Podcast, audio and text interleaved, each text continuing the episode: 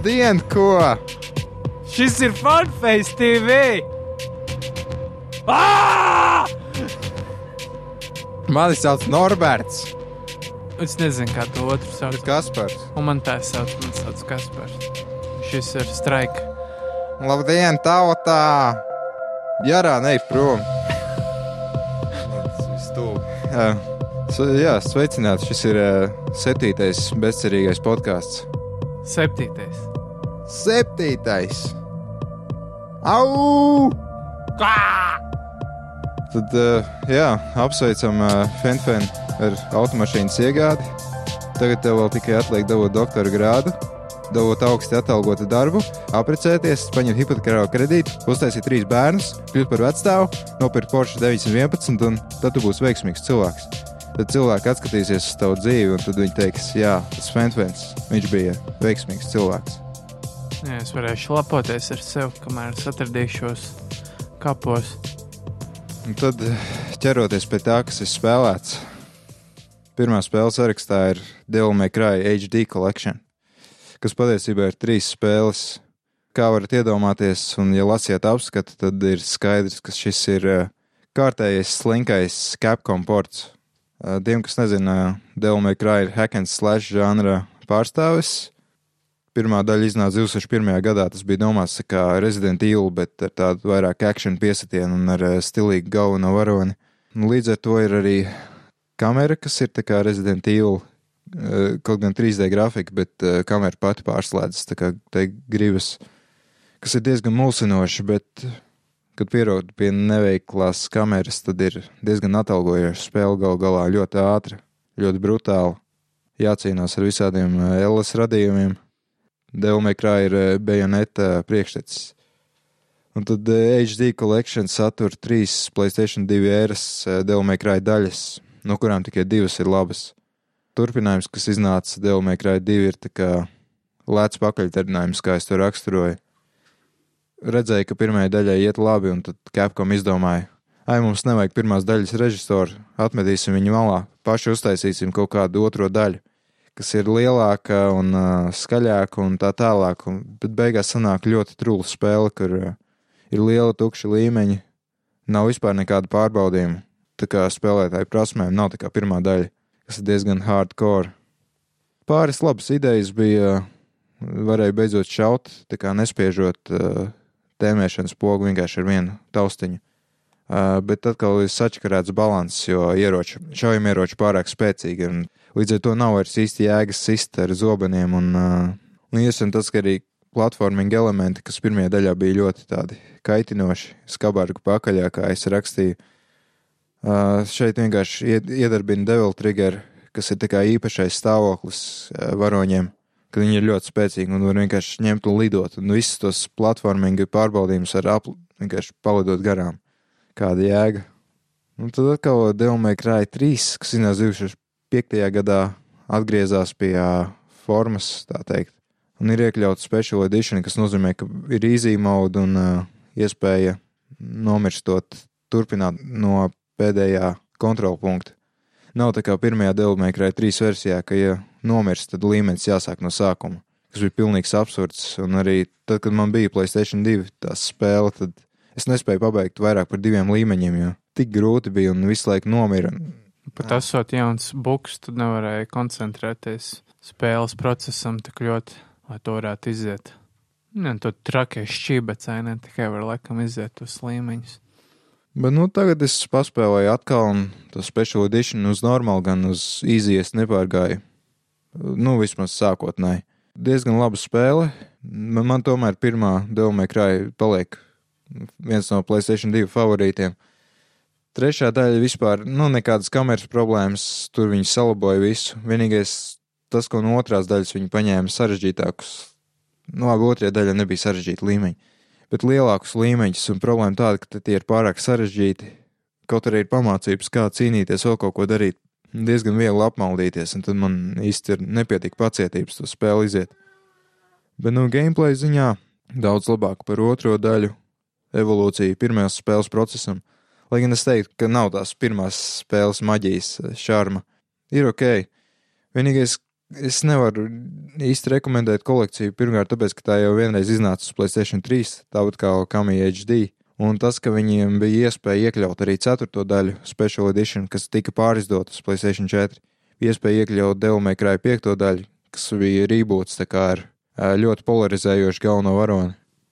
Ja viņi būtu iekļāvuši visas piecas daļas par tiem pašiem 30, 35 eiro, tad es teiktu, jā, ir vērts ņemt, bet tagadējā formā Cry HD Collection. Nē, nerulē.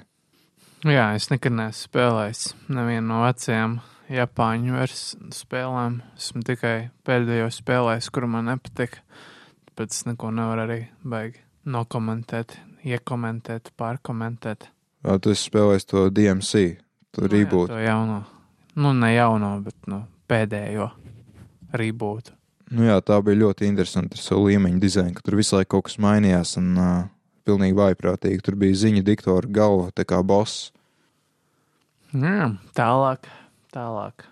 Nino Kunī 2, Revenant Kingdom, kas ir jauna spēle un nav nekāds lēts pakaļdarinājums. Ko patiesībā ir vērts pat iegādāties, ja pareizi saproti. Nu, ja, ja, protams, interesē tāda veida spēles, jo šī spēle tomēr ir specifiskam tirgum afišēta, es domāju. Tas nav tāds klasiskais action adventures, kā piemēram Zelda, ko varētu, man liekas, jebkurš spēlēt. Tas ir vairāk action RPG, cik saprotu. Nu jā, tur vairāk ir tā, ka nav vairs menu battle sistēmas, bet ir, nu, tā kā varētu salīdzināt ar Final Fantasy 12 vai 11, ne, 12, 12 daļa bija. Jā, bet tas nav tā kā active time battle, kur jāgaida līdz stabiņš piepildās, līdz var uzbrukt. Tas ir nu vienkārši brīvi, var pārvietoties un sist. Nu Jā, tā ir tā atšķirība, bet, nu, tas, jā, tur nav tik daudz taktikas, cik, ir, nu, cik varētu iedomāties, vairāk ir dodžošana, izvairīšanās no uzbrukumiem un, un pretsitiena. Un tā kā vairāk jābūt ir laika izjūtē un jā, jāizjūt pretinieks. Tā varētu būt tā raksturojošākā lieta par Nino Kunī cīņu sistēmu. Nino Kunī ir Japāņu lomu spēle. Kā jau es teicu, apskatā, tad šī spēle ir tā kā ne tieši turpinājums iepriekšējai spēlē, kas Japānā iznāca 11. bet rietumu pasaulē 13. gadā uz Playstation 3. Lai gan varētu teikt, ka šīs abas spēles vienā tā kā uh, dimensijā, universā, jo, cik es sapratu, šis stāsts otrajā daļā risinās aptuveni 200 līdz 300 gadus kopš iepriekšējās spēles. Tēli pavisam jauni. Nu jā, tēli ir pavisam jauni, varētu būt, ka ir kaut kādas atsauces uz iepriekšējām spēlēm. Uh, varbūt kā jau es laikam norādīju vai nenorādīju apskatā, bet Nino Kuni ir iznācis arī uz Nintendo DS savā laikā. Ā, tāpēc es domāju, tā nebija kaut kāda kļūda, kad tu teici, ka iepriekšējās divas daļas. Jā, ir arī kaut kādas pāris daļas, kas ir uz mobiliem telefoniem iznākušas, bet cik, cik informācija, ko es atradu, sniedza, tad ā, šīs spēles laikam ir Japānā vairāk pieejams kā pārējā pasaulē. Jā, Nino Kunī vairāk centrējās ap vienu galveno varoni, kurš ir mazs zēns, uh, Evans Petīviskars, kurš ir princis kaķveidīgo karalistē, bet šeku reku vienu labu dienu Evana tēvs, kurš ir karalis šai karalistē, ja to nevarēja saprast jau. nu jā, tad respektīvi šis karalis nomirst, un, un, un, un, un, nu, un Evans tagad bēdīgs gaida to dienu, kad viņš tiks iecelts karaļa kārtā, bet, lai tas notiktu, ir jāgaida, kad tā saucamais Kingmakers, es nezinu, kā latviski to varētu iztolkot. Tas kaut kāds puķis vai Nu jā, šajā karalistē, un karalists šajā universā ir vairākas. Šajā karalistē Kingmakers ir tāds kā dīvains meža radījums. tas būtu kā aizbildnis kaut kāds. Nu jā, viņš tā kā varētu tā kā būtu pielīdzināms viduslaiku Eiropā tam, ka karaļus tā kā iecēla pāvests, tā kā dievišķā autoritāte, un šoreiz tā kā šajā universitātē ir tādi mītiski radījumi, katrai karalistē ir savi, un viņi tā kā aizsargā karalisti, un, jā, un katram karalim jābūt ciešie saiknē ar šo kingmakeru. Un Evans gaida tā kā to dienu, kad kingmakers atnāks un nodibinās saikni ar viņu, respektīvi atzīstot viņu par kaķveidīgo karalistas Dingdong Delas karali. Bet tā diena, kad pienāk, sākās apvērsums no grauzēju šķiras, kas ir tā kā zemākā šķira kaķveidīgo karalistē. Un viņi tā kā visus loj lojālistus apslapkavo, un ļaunais žurkulis piesavinās Kingmaker spēku, un Evanam, kuru tā kā ir paredzēts noslapkavot, kopā ar mistisko atnācēju no, varētu teikt, ka no mūsu īstās pasaules Rolandam, kas ir karalis, ne karalis, bet prezidents valstī, kas ir līdzīga Amerikas Savienotajām valstīm. Es, es īsti nevaru, negribu spoilot, kā viņš nonāk šajā Evana realitātē, bet, nu, viņš nonāk un viņš tā kā būdams vecāks un pieredzējušāks, uh, valsts vīrs saprot, ka Evanam draud briesmas, un viņš tā kā ar Evanu dodās trimdā. Un Evans tā kā agri jau trimdā nolēma, ka viņš dibinās savu karalisti, viņam vajadzēs draugus, un tad no viņam sākās piedzīvojums. Un tālāk es jau nestāstīšu, tā kā tur jau sākās īstais stāsts, kas jau, kas nebūs nekur aprakstīts, ja neskaita Wikipēdija. Bet nē, Tad runāju par lietām, ko tu neminēji apskatā. Cik aptuveni daudz laika vajadzēja, lai pabeigtu stāstu? Nu, stāstu pašu var iziet, pabeigt 35 stundās, nu tā vidēji. Tā kā pa vidam kaut ko tur aizskavējoties pie blakus uzdevumiem. Bet, nu jā, vidējais mērījums varētu būt 35 līdz 40 stundas. Ja neskatās uz Final Fantasy 13 kas bija pabeidzams 20 stundās, tad tas ir tāds diezgan vidējs, vidējais garums, jebkurai Japāņu lomu spēlē. Tas ir tāds klasisks stāsts par jaunu varoni, kurš tā kā ceļo pa pasauli un apvieno visus cīņā pret ļauno. Šoreiz gan nav neviena mistiskā princese vai kristāla vai kaut kādi citi klasiskie Square Enix motīvi. Šoreiz ir tāds, tāds pacifismu motīvs, nu tāds pseido-pacifisms karš, viens karš, lai izbeigtu visus karus. Tā kā jā, man ļoti patīk šī spēle, bija ļoti atsveicinoša pieredze, cīņu sistēma bija ļoti svaiga, ļoti aktīva, precīza un jautra. Tā kā viss šķīst uz visām pusēm. Dažas cīņas ir ļoti vienkāršas, ir īpaši sākumā, kad izdodas veiksmes rezultātā dabūt spēcīgus ieročus, tad ir visus iespējams iznīcināt nepārspīlējuši sekundes līdz divu laikā. Pēc tam gan jau cīņas paliek mazliet smagākas, bet, nu jā, nekad nav tā, kad gadās iesprūst tā riktīgi, tāpēc arī šo spēli arī nevarētu raksturot kā ļoti smagu un sarežģītu.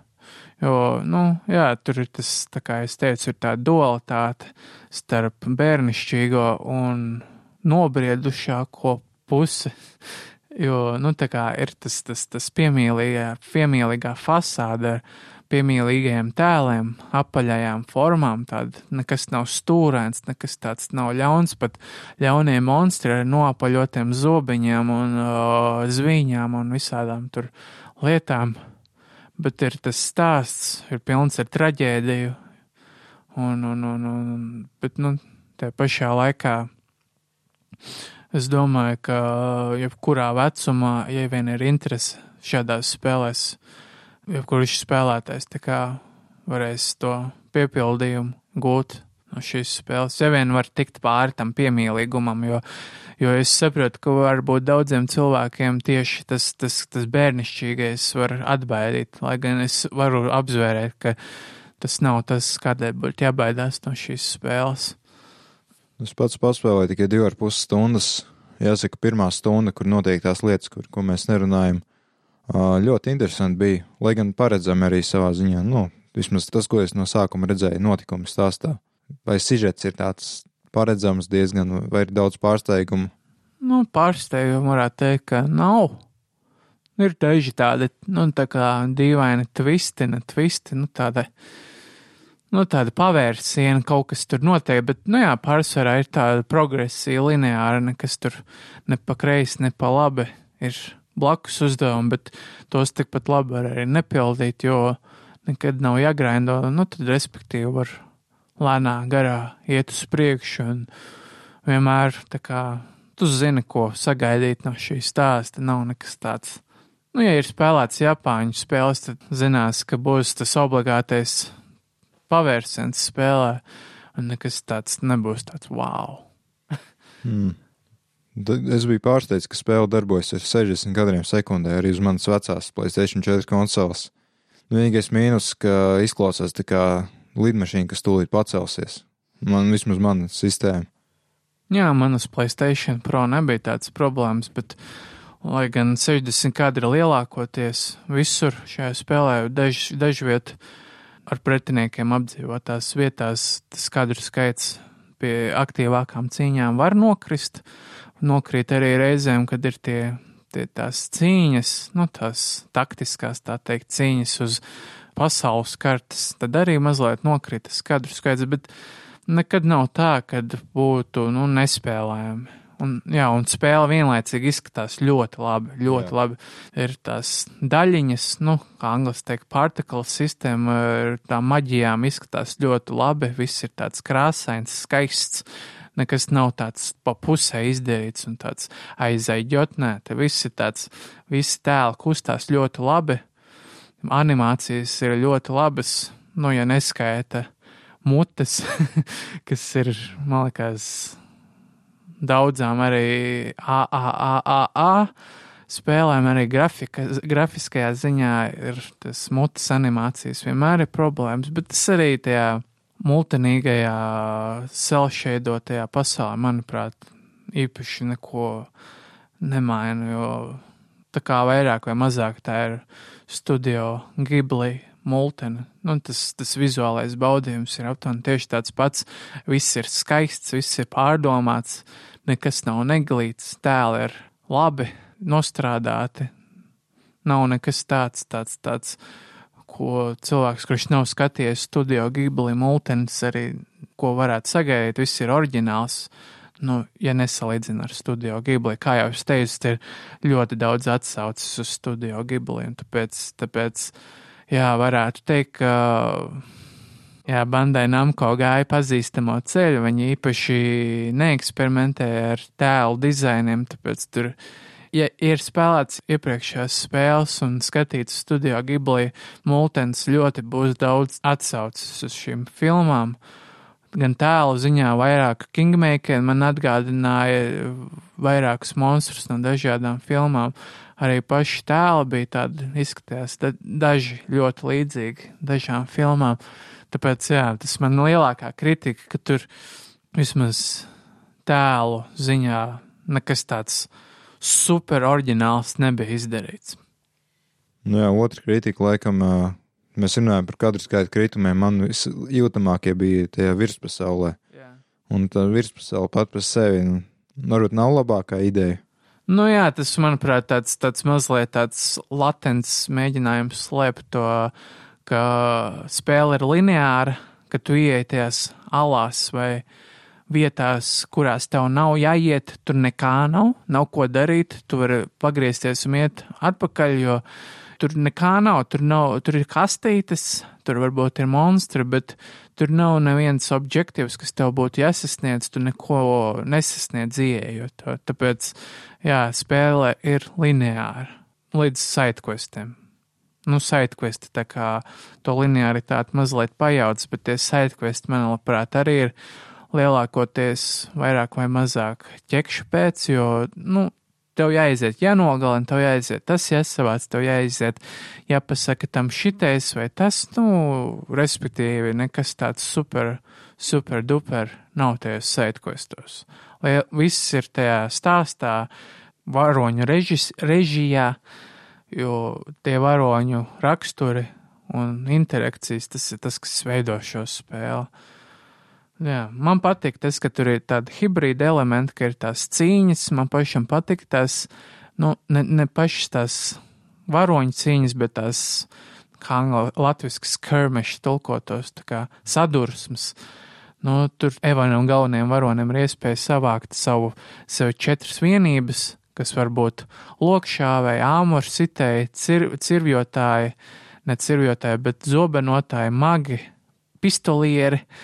Un tad, attiecīgi, arī iet tur pildīt visādas tur misijas ar viņiem, tur iet cīnīties, iekarot, nu tā. Tas, tas man liekas, tas bija ļoti interesanti. Tad ir vēl, vēl viens elements, ka ir jāveido sava karaliste, kas vairāk ir tā kā pilsēta valsts. Tu vari celt savus smēdes, savus veikalus, tur skvērus un pelnīt ar to naudu. Tā kā var arī piesaistīt savus karalistes iedzīvotājs, kurš strādā šajās iestādēs, bet, nu, tad ir jāpilda papildus kvesti, kā, lai viņus atslēgtu. Un, jā, reizēm tie kvesti var būt diezgan specifiski, jo tur ir vajadzīgs tādas lietas, kuras ir diezgan grūti atrast. Tāpēc, jā. Un, ja tev būtu jāliek kaut kāds skaitlis, vērtējums, Cik tu dot? Mēs zinām, ka Monster Hunter World bija 9,5 no tevis vai 9, kaut kas tāds. Nu, kaut kas tāds, nu jā. Tad jau otrā lielā, ļoti labā spēle šogad. Pagaidām, jā. Un tu biji gatavs padoties vispār uz spēļu industriju. Man tāds iespējas radās vienu brīdi. Nu, man, jā, tā kā, jā. Šis arī bija tāds kā patīkams, nepārsteigums, bet patīkams spēle, jo es baidījos, ka šī spēle nebūs laba jo tur ir daudzas izmaiņas tajā organizācijā, izstrādātāju. Bija patīkami spēlēt šo spēli, un neradās, ka tas bija tāds kārtējais produkts atražoties, respektīvi, nu, tad es dotu 8,5, kas arī ir vidējais tā vērtējums spēļu kritiķiem, starp spēļu kritiķiem. Arī man liekas, ka metakritiķi stāv jā. 85 kaut kas tāds. 86 pat. Nu jā, Tas arī būtu man tāds 8,5. Tas ir man tāds vērtējums. Tas nav nekas super duper, bet tas nav arī nekas sliktāks par labu. Nu, tas ir ļoti labi. Nu, tā kā uz teicamu pusi. Patiesībā tādu pašu vērtējumu arī es iedotu nākamajai spēlē mūsu sarakstā, kas ir Far Cry 5. Bet pirms mēs par to runājam, ir eh, tāds kā neliels sasniegums manā karjerā, ja šo var tā nosaukt. Tas, ka spēlēm parasti, kad apskati iedod embargo kaut kādu aizliegumu pirms tā un tā laika, tikiem un tikiem nedrīkst runāt par spēli vai kaut ko darīt. Nu, tad es izlaidu 27 minūšu video, kam diemžēl nebija nekādas atsaucības īsti. Cilvēki neteica, viņiem patīk vai nepatīk tas, ka mazāk komentāru vai vairāk. Bet, nu, katrā ziņā tas iznāca tieši kā beidzās embargo. Strike bija viena no pirmajiem, kas izlaida video par spēli tādu, kas nav sponsorēts bullshit no IGN vai kaut kas tamlīdzīgs. Nu, un arī apskats iznāca tieši precīzi tagad, kad embargo tika atcelts. Nu, apskatām par laimi bija lielāka kaut kāda atsaucība, jo cilvēki arī, cik skatos formos, tiešām arī pērk Cry 5. Man par to YouTube video ir liels pārsteigums, jo tā spēle vēl nebija iznākusi, bet tu biji ielicis video, bet Neviens tāpat to video neskatījās. Ne, skatījās, bet nekādas vispār nekādas atsaucības. Tā kā, nu. 50 skatījumu, Far Cry 5. Tā kā Ubisoft galvenā frančīze uh, pirms laika. Ne, es teikšu, strāika standartiem 50 ir labi. Tāpat tas ir YouTube, tas jau nav strāika iekšējais serveris, tur jau visi varēja piekļūt tam mm. video. Tas ir. Nu jā, bet YouTube arī es pats mēģināju sameklēt to video. Es nevarēju nemaz caur YouTube meklētāju atrast. Nu, vienkārši visi tie IGN un visādi fanface, viss tas norok. Jā, tas man liekas, ka YouTube vairāk uh, novirz uz tiem, kuriem ir lielākais skatījums skaits. Jā, un laika visas tās spiešanas arī palīdz kaut kā izsisties. Lai reklāmas varētu vairāk sabāzt iekšā. Jā, bet no nu, fanface uztaisa kaut kādu, nu, sorry, nu nebija viņiem veiksmīgs video. Pusotru stundu viņi, tāpēc, ka viņi gribēja dabūt naudu atpakaļ par to spēli, viņi negribēja pirkt. Nu, viņi diezgan švaki parādīja, manuprāt, tāpēc arī viņiem nebija labs eh, iespējas par spēli. Domāju, ka tas ir kārtējs Ubisoft, eh, tāda pati spēle kā iepriekšējās. Tā pašā laikā viss, ar ko viņi nodarbojas, ir kaut kādu virtuālo kastu atvēršanu. Jā, jo viņiem redz naudu vajag, viņiem nav darba. Normāli. Laikam metinātais no profils nevar da labu darbu atrast. Jā, lai gan metinātājiem labi maksā, es zinu, Rīgas siltumā, ja tu tiec tur. Ir. Bet, nu, jā, Nu, slinkums. Ko mēs runājam? Nu, jā, nu, pirmais iespējas viņam nebija labs, jo, godīgi sakot, kad es sāku spēlēt Far Cry 5, kas ir atvērtās pasaules pirmās personas šūteris, kurā var rādīties lielā smilšu kastē, tad bija tā, ka ievads, man liekas, bija lielisks. Tas viss, kā tur tika uzbūvēts, tas, ka ļaunais galvenais varonis tika iepazīstināts, un viņi trakie eh, sektanti, sekotāji, kas tur lec eh, helikopteram rotorā, lai tikai to apstādinātu. Pēc tā tālāk bija neliela vilšanās, jo arī pirmajā materiāla video par pašu spēli, kas tika atklāta, radās iespējas, nu, nu tikai būs kaut kas, nu, Ubisoft kaut ko pateiks par uh, to ekstrēmismu un visu to, kas kā pamazām pasaulē arvien vairāk un vairāk briest un tā tālāk, bet beigās izrādās, ka stāsts ir diezgan bezzobains, bez pautiem. Viņi, Ubisoft baidās uh, kādu sakaitināt vai kādam likt apvainoties. Nu, īstenībā tas jau bija skaidrs uzreiz, kā sāk spēle, un tad jāizvēlas dzimums. Ir. Es zinu, ka Fenfēna sākumā nesaprata, ko no viņa gribēja. Viņš domāja, tas kaut kāds DRM bija. Nu, jā, es reāli, jo tur nebija nekas uzraksts. Tur vienkārši parādās divi cilvēki un viss. Tie pat no cilvēka kaut kāda humanoīda. vienkārši. Nu, jā, tur nebija pateikts, uh, select uh, one or another. Tur vienkārši parādās divi tēli un viss. Kas man jādara, nav saprotams. Es domāju, ka tas ir tā kā policisti nostājās manā spēk, eh, ceļā, lai es nevarētu šo spēli spēlēt. Bet tad man kaut kā netīšām sanāca nospiest uz dīpēda, un jā, es izvēlējos vienu no šiem cilvēkiem, kuriem pat nebija uzrakstīts dzimums apakšā. Bet nu, tas ir 2018. gads, bail uzrakstīt sievieti, vīrietis, jo tagad varbūt tur tie dzimumi, tur nezinu, neierobežots skaits. Select your cisgendered uh, character. Un tad beigās sanāk tā, kas man patiesībā patīk, ka ir mm, pats uztaisījis savu tēlu.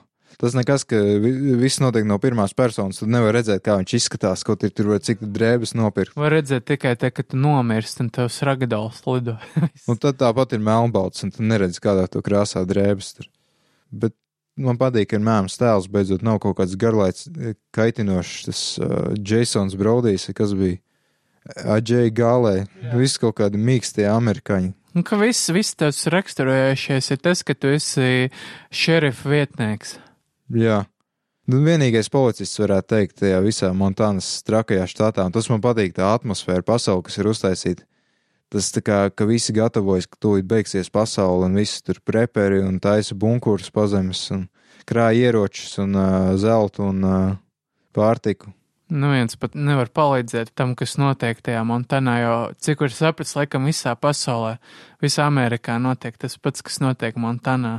Tas man īsti nebija skaidrs. Es sapratu, ka, ja viņi bija spējīgi, ja viņi būtu spējīgi izsaukt to nacionālo gvārdi vai ko, ka teorētiski visur pārējā Amerikā ir, ir tā kā normāli. Lai gan spēles radiostacijās tur jau briest kaut kādas ziņas, ka tur kaut kādi kodoli ieroči jauni, tur e, bumbas nomet vai tur atsakās runāt valstis savā starpā. Nu, kaut kā nedaudz imitējot to, kas notiek pasaulē tagad. Bet atkal beigās tas stāsts neko īsti nepasaka. Un jā, un neiet kopā tas it kā humors ar uh, to nopietnu tēmu. Nu, jā, tur bija tāda stulba humora papildus misija, kur bija tas, uh, kur dzimuma locekļi bija boļiem jāgriež nost. Ne jāgriež, bet Testī festī. jā, testī festī. Tas bija riktīgs stulbi. Nu, man reāli neuzjautrināja šis pasākums. Un tagad atbrīvot to mazpilsētu, tur ir viens tāds bārs, spread eagle, un tad var dzirdēt fonā, kā saka, I wanna eat at the spread eagle again. Un tur tāds, nu, spread eagle un tāds sievietes ar paplastām kājām, tāds, nu, siluets. Nu. Nu, jā, tur tā kā tas papildus misijas lielākoties bija humoram. Jā, bet tas humors nestrādā tik labi, kā, piemēram, Jākuza spēlēs, kur, man liekas, ir diezgan skaidri nošķirts, kad ir sīčet uzdevums. Nu, varbūt tur še, dažās epizodēs arī tas humors parādās, tur, bet tās parasti nav ierunātas. Un tad ir tās blakus misijas, kas pilnīgi trakas. Far Cry ir tāds īsti tāds neskaidrs tas nošķirums. Tāpat arī nevar īsti saprast, kas skaitās story mission un kas ir blakus uzdevums. Nu Jā, jo tie story mission maz atšķirās no blakus uzdevumiem. Jo bieži vien man liekas, tie blakus uzdevumi bija interesantāki par story misijām. Lai gan, Jā, ko, ko, ko es saprotu?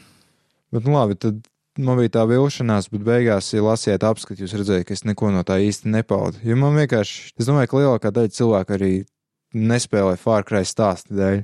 Ka viņš vienā brīdī es pieradu jau pie tām nesakritībām un tas disonances, un man bija vienalga, es vienkārši baudīju Far Cry 5, kas, kā izrādās, ir ļoti laba spēle ar uh, daudziem uzlabojumiem pār iepriekšējām daļām.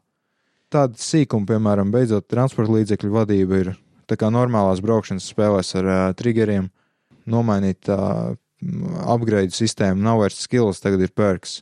Jā, vairs nav jāslapko bezjēdzīgi dzīvnieki. Jā, lai gan tas arī šeit ir jādara daudz uzdevumos, uh, bet nu, vienkārši lielāka brīvība vispār kopumā. Tas, ka ir trīs reģioni, kurus var jebkurā brīdī ņemt vienu vai otru, izvēlēties tur kaut ko darīt, un tas, ka pat nav jāpilda stāstu uzdevumi, lai to resistance points stabiņu piepildītu. Nu, jā, ir gan tas, kas Fenfen nepatika, ka spēle vienkārši vardarbīgi nolaupa spēlētāju un ieliek, piespiež viņu skatīties tos sižetu uzdevumus dažus. Nu jā, tie sižeti uzdevumi vairāk, tur, tur nekas nenotiek. Tur tev vienkārši kaut kāds demagogs sma skalo smadzenes un viss. Tas viss, kas notiek tie sižeti ainās un nekas vairāk. Tā kā neattīstās, ne stāsts. Varbūt daži vietoji aizglābi kaut kāds tur nolaupīts. Nu, viens no diviem pārējiem šerifu vietniekiem vai arī pats uh, Amerikas maršals tev jāizglābi. Bet tas jau tev neko nemaina tajā stāstā, tajā stāsta progresijā. Tu atrodies tur vēl, ka tur ir sākumā ir sākums, un tad pēkšņi ir beigas. Un viss. Tas man visvairāk kaitina, ka ir labs, tā kā laba doma, tas kults, kas ir ļoti raksturīgs Amerikas nekurieniem, visādiem cientoloģijām un, un, Lūks klāna arī. un vis, jā, visādi šitā te. Tas ir ļoti lab, labs, ļaunais tēls, ļoti labi viņš bija pasniegts. Tāds tā kā ārēji mierīgs, bet iekšēji tāds psihopātisks, tāds nelīdzsvarots cilvēks. Bet viss pārējais tāds, nu, trūka tā virzība, trūka tas konkrētums, un man ļoti žēl, ka Ubisoft neizmantoja to iespēju uh, tik labai lokāla, lokālai, tā kā Amerikas nekuriene un tas, tas, tas kults, ka nekas netika ar to īsti izdarīts, ka tur mm. vienkārši bija klasiskais Ubisoft stāsts, un, un, un, un jā, tas tā. Es domāju, mēs atsevišķi spoileri kāstā arī par Far Cry 5 parunāsim kaut kā sīkāk niansēs tāda vilšanās. Tā kā. Bet nu pati spēle, ja uz to visu. Jā, bija, bija ļoti forši, ka tu ne, ne, netiec iemests pasaulē un uzreiz viss jau parādās uz kartes. Tev pašam ir jāmeklē cilvēki, kuri pastāsta, kur kas atrodas, jāatrod visādas kartes, jāizbrauc uz to vietu. Tu, tu nezini praktiski, kas ir visur, ja tu tikko sācis spēlēt. Nu, Man tas ļoti patika. Tas bija ļoti labi izmaiņa no visādiem tur uh, iepriekšējiem Ubisoft spēlēm. Un vairs nekāda radiotorņa. Nu, pāris, pāris bija. Par ko spēle pajoko, tā kā vairs nebūs. Bet, Bet bija tāpat pāris. Jā, taisnība. Tas pats pirmais uz tās mazās saliņas ir tā kā. Viens no diviem, laikam, vai trim. Nu jā, un pārējie vienkārši blakus uzdevumos vai kaut kur. Nu, varētu teikt, ka spēlē visi uzdevumi, blakus uzdevumi, izņemot tos, kuros spēlētāji iesaist iekšā. Tas, ka var vienkārši kā grib ņemt un tos reģionus uh, pabeigt. Bet, nu, tā kā reģionu pabeidz kādu savāc visus punktus, piebeidz bosu, tad beidzot kaut kāds miers kaut cik, jo citādāk spēle man ļoti atgādina Far Cry 2. Tā ziņā, ja tu esi tuvu ceļam, un ka- sākas kaut kāds konflikts, tas var vienkārši neprognozējami izaugt kaut kādā katastrofā, tur meža ugunsgrēkā vai tur nenormālā slaktiņā. Spēle mēdz būt ļoti, ļoti haotiska. Jā, es konstanti aizdegos, visu laiku aizdegos. Jā. Tas mākslīgais intelekts, eh, ne, tas ir forši, tā kā neparedzami viss, bet nu nevar īsti paļauties uz tiem jaunajiem uh, sabiedrotiem, ko var noalgot. Pat ne noalgot, vienkārši uzaicināt palīgā. Un tur ir tā kā divas grupas. Ir speciālisti, kuri ir konstanti, un ir tie pagaidu, tie gun for hire, kuri var nomirt, ja tu viņus neizglābi, kad viņi nokrīt.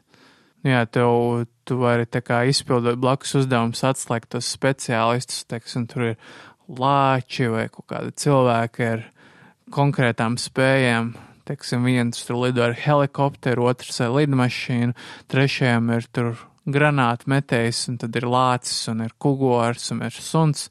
Suns, teiksim, var atrast pretiniekus, kugors var klusiņām noslapkavot pretiniekus, un lācis vienkārši iegāžās kā tanks un viss sāk slepkavot. Tas tāda riktīgi tā kā laba ideja, bet ļoti slikti vismaz pagaidām izpildīt, jo tas mākslīgais intelekts vienkārši tā kā sūc uz striķa raustās, tad viņš mm. strādā, tad vairs nestrādā, un tad viss, viss, viss nometnē bļaustās, jo, teiksim, tavs suns ar kaut ko mistisku nodarbojas vienā stūrī, kamēr tu tur gribi iemest metamo nazi čalim pakausī, tas tā riktīgi kaitinoši bija. Viskaitinošāk bija tad, kad gribas kaut ko konkrēti izdarīt, bet tas hauss vienkārši izjauc savus plānus. Tā kā, piemēram, jāsāk runāt ar kaut kādu tēlu, ir, lai iedarbinātu nākamo uzdevumu kaut kādu posmu vai ko. Bet tad viņš pēkšņi pusvārdā tiek pārtraukts, jo tur kaut kur, nezinu, pie horizonta parādās kaut kāda pretinieku mašīna, tad viņš visi panikā apkārt. Tas arī parādījās 27 minūšu video, ka vienkārši runā ar tēlu un tad uh, saruna tiek izjaukta. Bieži vien nav pat praktiski saņemt uzdevumu, jo viņi konstanti vienkārši bļaustās un skraida riņķī.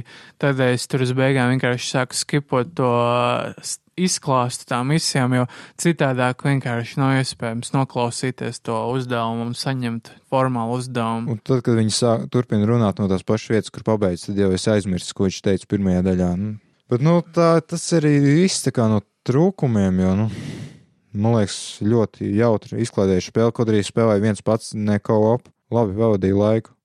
Un ko es varu teikt par Montānu? Karti nav tik labi kā Ghost Recon Wildlands kas vispār, man liekas, paliks nepārspēta vienkārši izmēra un biodiversitātes ziņā, bet toties Far Cry Montana ir daudz eh, detalizētāk. Un arī savā ziņā tāpēc, ka no pirmās personas viss ir redzams. Bet visas tās nianses, viss um, tas Ghost Recon Wildlands nebija. Jā, bija tāds sajūta, ka tas reāli Montanā, ka ir tās fermas, un tad ir meža ar koku būdām tajās, un tad ir uh, klintis, kurās var uzrāpties, un tad ir upes, kurās var makšķerēt.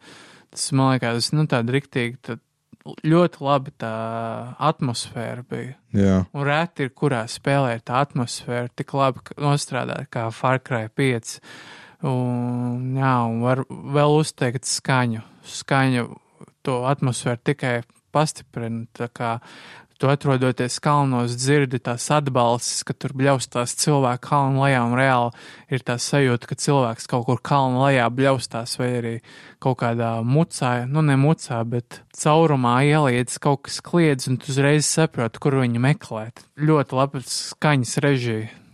Nu jā, tieši tehniski. Nu, varbūt tur pievēja reizēm kaut kādu dialogu. Tur ļoti amerikānisks tēls ar kanādiešu akcentu. Nu, tā, bet, nu. Jā, tas, tas, tas galvenais labais čels viņam bija kanādiešu akcents, kaut arī viņš bija kā nostādīts kā hillbilly preppers. Patriots ar Amerikas karogiem vēl kaut ko. Jā, to es uzreiz pamanīju, ka viņam ir kanādiešu akcents. Kaut kā mazliet traucē tā viņa komunikācijā. Nu jā, vēl viena vien no tām nesakritībām. Ne tikai skaņa, bet arī grafika ir vienkārši satriecoša. Spēlēju uz vecas uh, feta konsoles, PlayStation 4, un vispār kadru skaits nu, ļoti, ļoti stabili 30. Tas ļoti reti nokrīt. Arī konsole nestrādā tā kā putekļu sūcējs, un izskatās fantastiski, man liekas. Jā, un krāsa palete Jā. ļoti labi. Es nezinu, vai tev arī HDR tam televizoram ir. Nu, man nav HDR, tāpēc es varēju izbaudīt tikai plakans debesis. Bet, nu jā, tas kā saules tā iet caur uh, koku virsotnēm, galotnēm, viss tas arcade mode. Es ļoti gribētu izmēģināt, bet kāpēc ir vajadzīgs Playstation Plus? Es saprotu, cīnīties kopā ar citiem nevar vai pret citiem, bet nu, vismaz leju pielādēt tos līmeņus vai augšu pielādēt savējos. Bet var jau izveidot savu līmeni bez Playstation. Var, bet uzspēlēt nevar. Ah. Nu, man galvenais, interesantākais būtu pašam savu kaut ko izveidot. Diezgan daudz darba. Bet nu, tas izskatījās, cik es pamēģināju to redaktoru, labāks nekā 4. daļā. ļoti daudz iespēju. Un tas, ka var paņemt visu kaut kādus priekšmetus no Watch Dogs, no Assassin's Creed, no Black Flag, paņemt kaut kādus šitos uh, lielgabalus, ielikt iekšā un, un augstceltnes modernas nolikt blakus. Cik es sapratu, diezgan haotiski arī, bet ļoti interesanti tas, ko cilvēki radījuši. Mēģinājuši pat atdarināt uh, Call of Duty kartes kaut kādas zināmas. Jā, kaut kur ziņās bija rakstīts, ka pat PUBG kartes kāds tur jau ir uztaisījis. Jā, tas bija Far Cry. Nākamais mūsu sarakstā ir pilnīgs pretstats Far Cry. Salīdzinoši maza indijas spēlīte, tā teikt. Maza, bet ļoti, ļoti baisa. Tā ir Inside, kas ir Limbo garīgais turpinātājs. Ja esat spēlējuši Limbo, tad tā ir spēle, kur ar mazu vāju zēnu vai vienalga kaut kādu bērnu jātiek cauri navējošiem slazdiem, visādiem ļoti, ļoti depresīva atmosfēra, tumšs viss ir. Bet šoreiz 2D grafikas vietā ir 3D. Uz Unity dzinēja, bet strādā ar 60 kadriem sekundē ļoti labi un izstāsta arī skaisti. Cik nu var skaisti izskatīties tāda spēle, bet pārvietošanās vēl aizvien ir 2D plaknē, tas ir pa labi, pa kreisi uz augšu, uz leju. Atšķirībā no Little Nightmares, kas ir 3D pārvietošanās, vispār atkrīt visādas vadības problēmas līdz ar to ļoti interesanti. Nu, būtībā stāsts par to, ka mazs zēns iezogas kaut kādā apsargātā teritorijā. Kāpēc viņš to dara, es nezinu. Bet tur ir vīri ar pikapiem, ar ložmetējiem un ļoti, ļoti atletiski suņi. Ļoti baisi, tā kā Ēlas suņi, kas ir izbadējušies, skrien ļoti ātri, kas var saplosīt jebkurā brīdī spēlētāju. Nu, viss ir iestudēts, nu, tur nav nekādas, viss ir ļoti lineārs ļoti atjautīgas fizikas mīklas ir. Reizēm gan nevar saprast, kas jādara. Šur un tur es paskatījos kaut kādus video gidus. Atmosfēra ir ļoti depresīva, bezcerīga, gluži tāpat kā šis podkāsts. Bet tas, kas man izceļas, ir tās nianses, biedējošās. Piemēram, pēc tam, kad jūs esat izbēguši no suņa ķetnām, paspējuši pēdējā brīdī aizliegt pāri aizai, ieliekt ūdenī. Suns, kas paliek otrā pusē, tas brutālais Ellis uh, briesmonis, viņš vēl pēc tam smilkst, kas ir tāda interesanta nianses. Neticis uh, pāriest, neticis saplosīt uh, spēlētāju, viņš smilkst. Nu, vēl tur bija pāris nianses. Tur tētis ar dēlu, piemēram. Nespoilošu jums sižetu, bet izrādās, ka viss notiek kaut kādā vietā, kur tiek eksperimentēts ar cilvēkiem vai kaut kas tāds. Un tur ir kā viens no zinātniekiem ar savu dēlu rokās noskatās uz to notiekošo. Tas ir baisi ļoti. Un reti parādās krāsa, viss ir atkal melnbalts. Vienīgā krāsa ir, kad uh, saule nedaudz uzspīd kaut kur. Nu, protams, uh, asins, jā, asins ir sarkanas. Vēl bija epizode, kur cūka satrakojusies, kur ir kaut kāds lentenis no pakaļas lien ārā, kas ir jāizrauj spēlētājiem. Jā, tas ir baisi. Un tad ir gandrīz neticams, ļoti spēcīgs atrisinājums tam visam. Savā ziņā kā, spēlētājiem iedod tādu kā spēku, jā, beidzot es varu cīnīties pretī, bet tajā pašā laikā arī pilnīgi bezspēcība, kas arī parādās tajā nobeigumā. Jā, vienā brīdī varonis ir kā gandrīz grūti interpretēt. Spēlē nav vispār nekādu vārdu, nekas netiek pateikts. Tā ir pilnīgi uh, bez runas spēle, vienkārši lietas notiek. Un uh, ko tas viss nozīmē, tas ir pašam spēlētājam jāizdomā simboliski. Nu jā, nav nekāda tur simbola dīvaini, tā kā Little Nightmares, bet ļoti līdzīga spēle tā ziņā. Pabeigt var varbūt četrās stundās. Ja jūs nomirst, tad diezgan bieži tiek saglabāta spēle tā, ka var atsākt. Tā mūzika ir tāda pati kā limbo, ja? Uh, mūzika, starp citu, ir ļoti laba. Tāda ambienta, kā varētu teikt. Un tā ir kā ambienta, kā limbo bija tas ar dīvainajām tam.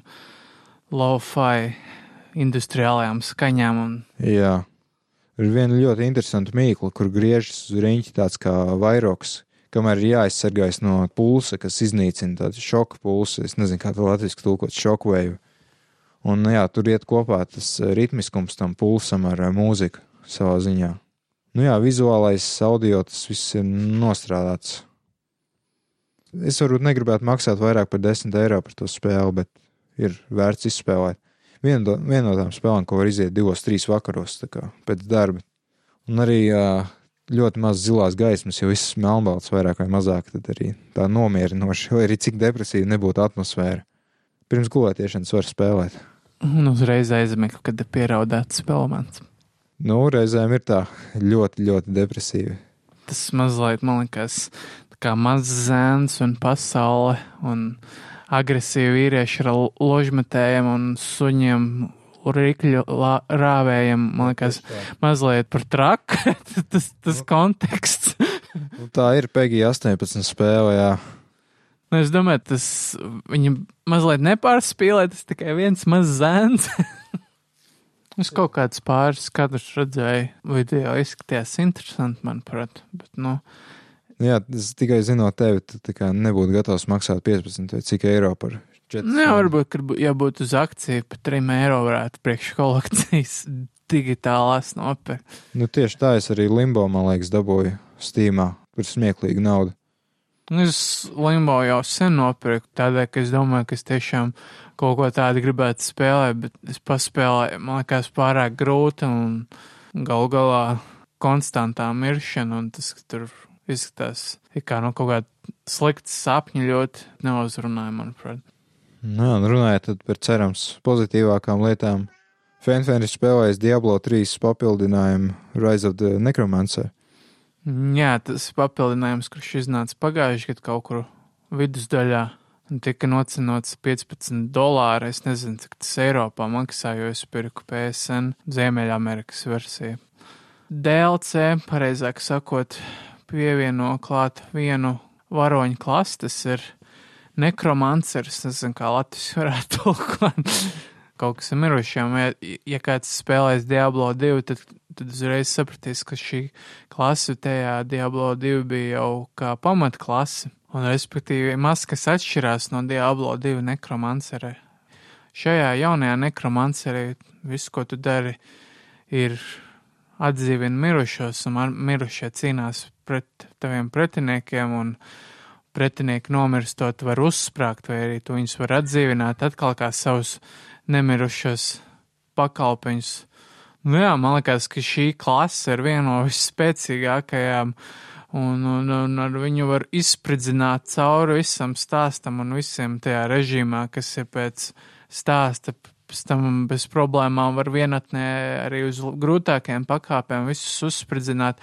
Tādēļ man liekas, tas dis, milzīgs disbalans ir starp pamatu klasēm un šo klasi, jo, jo tā kā tik ātri es nebiju pabeidzis stāstu kā ar nekromanceru, bez vispār nekādām problēmām, nevienu reizi neizmantojot uh, potions vai ko tur vienkārši pat uz uh, tormentes to spēli diezgan ātri varēja pabeigt. Tad sanāk, ka tur ir atsevišķa sižeta līnija. Tur praktiski pats tas DLC, izņemot jaunu klasi, neko citu nepieliek klāt, tā kā Jā. Tā kā viss ir, ja, ja atskaita kaut kādas pāris, pāris detaļas, nu, tā kā tieši sižetā, sižets tieši tiek pielāgots katrai klasē spēlētāji, tāpēc tur tas atsaucas mazliet atšķirās, bet jā, tā tikai tā pati klase ir pievienota. Nu, es neteiktu, ka šis DLC bija vērts 15 dolārus. Man liekas, jā, tikai vienas klases dēļ. Jā, bet nu, tas ir Activision Blizzard. un Viņi savus produktus uzceno un tur šādā nocenojumā ļoti ilgi. Tāpēc, jā, vienīgais veids, kā beidzot izmēģināt nekromanceru modernā izpildījumā, bija iegādāties šo tā saucamo papildinājumu. Nē, nu, pozitīvi. Šī klase ļoti jautra. bet es, bet, ja, ja, ja, teiksim, es neieteiktu nevienam pirkt bez akcijas šo. Varbūt pagaidīt, kad nokritīs uz 50%, tad nopirkt. Es uztaisīju video par uh, Playstation 2 emulāciju uz Playstation 4. Ir Tā kā es iegādājos vēl vienu Playstation 4 konsoli, gandrīz vai pēdējo naudu, bet tas tā.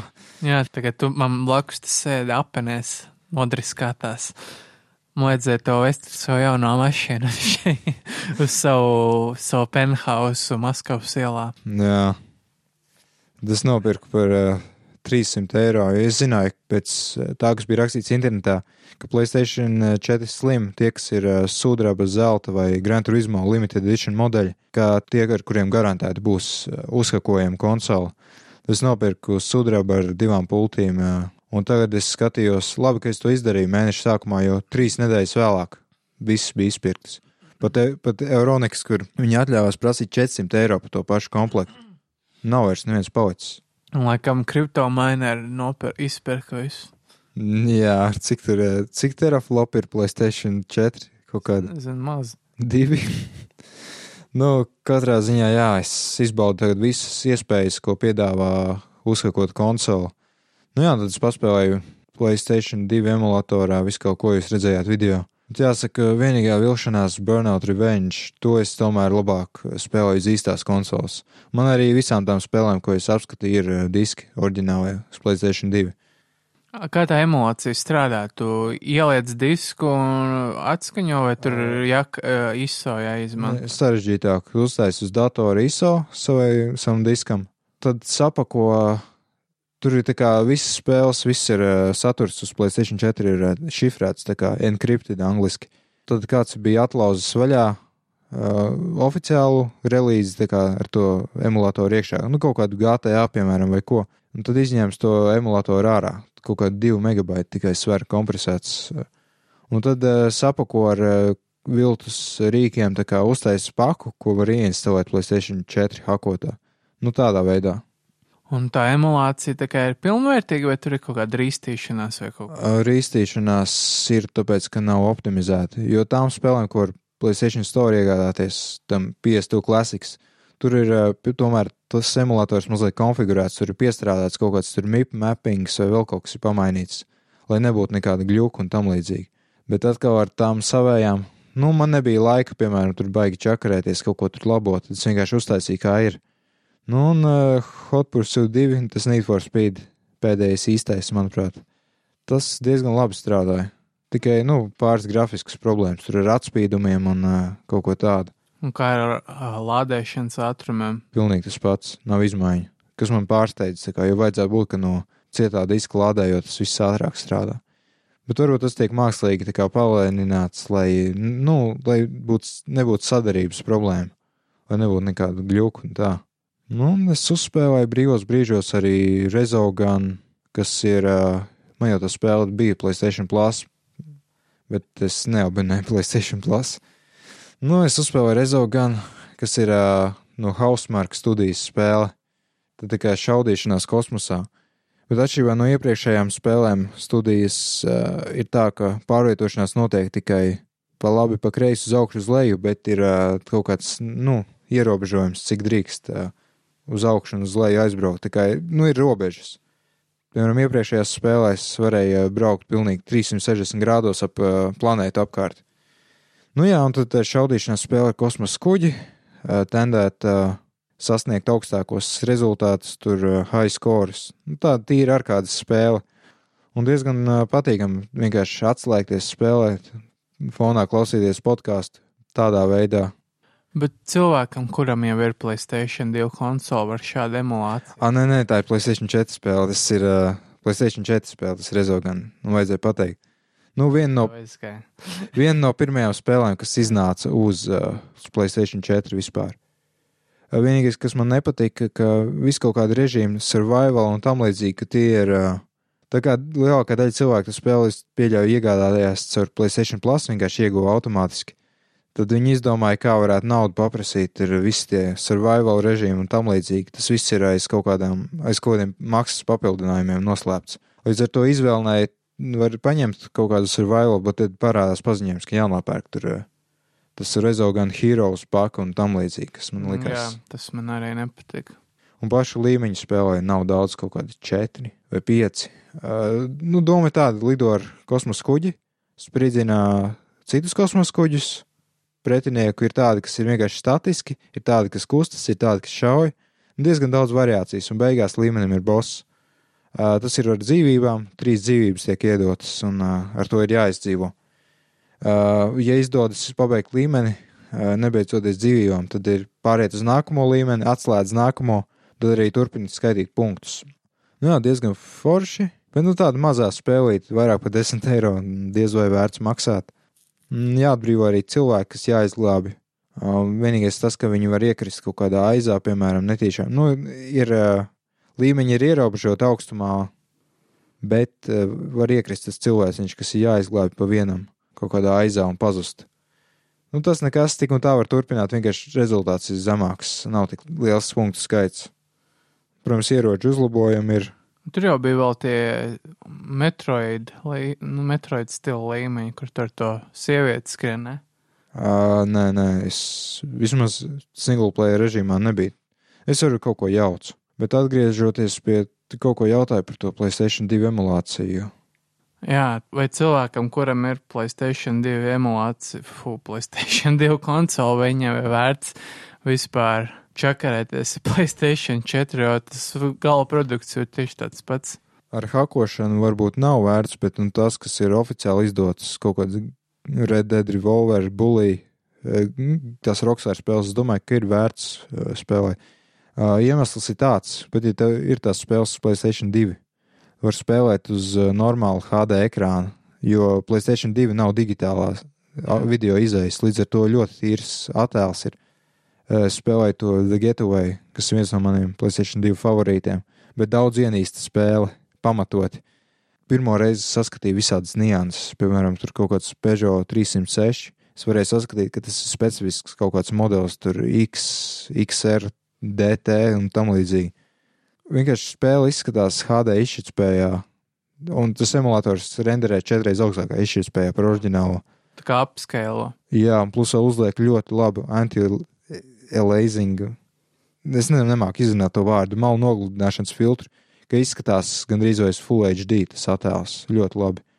Nu, tur ir tas, tās spēles, kas strādā ļoti labi, ir vērts spēlēt emulatorā. Plus vēl oficiālajām uh, versijām ir trofeja atbalsts tā, kur nopelnīja trofejas, spēlējot Grand, Grand Theft Auto San Andreas atkal.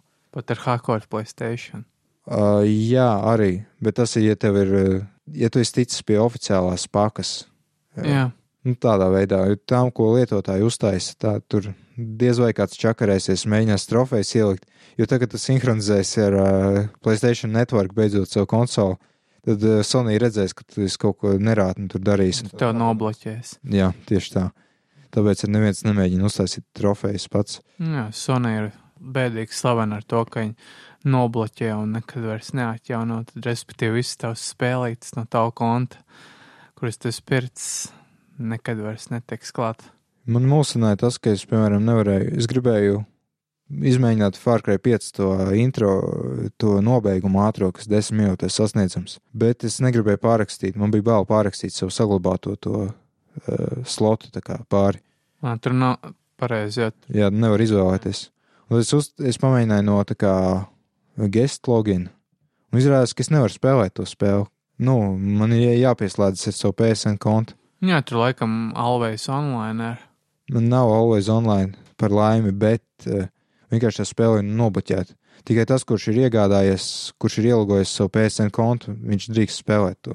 Tas ir stulbi. Es atceros, ka Placēta 3 tāda problēma nebija.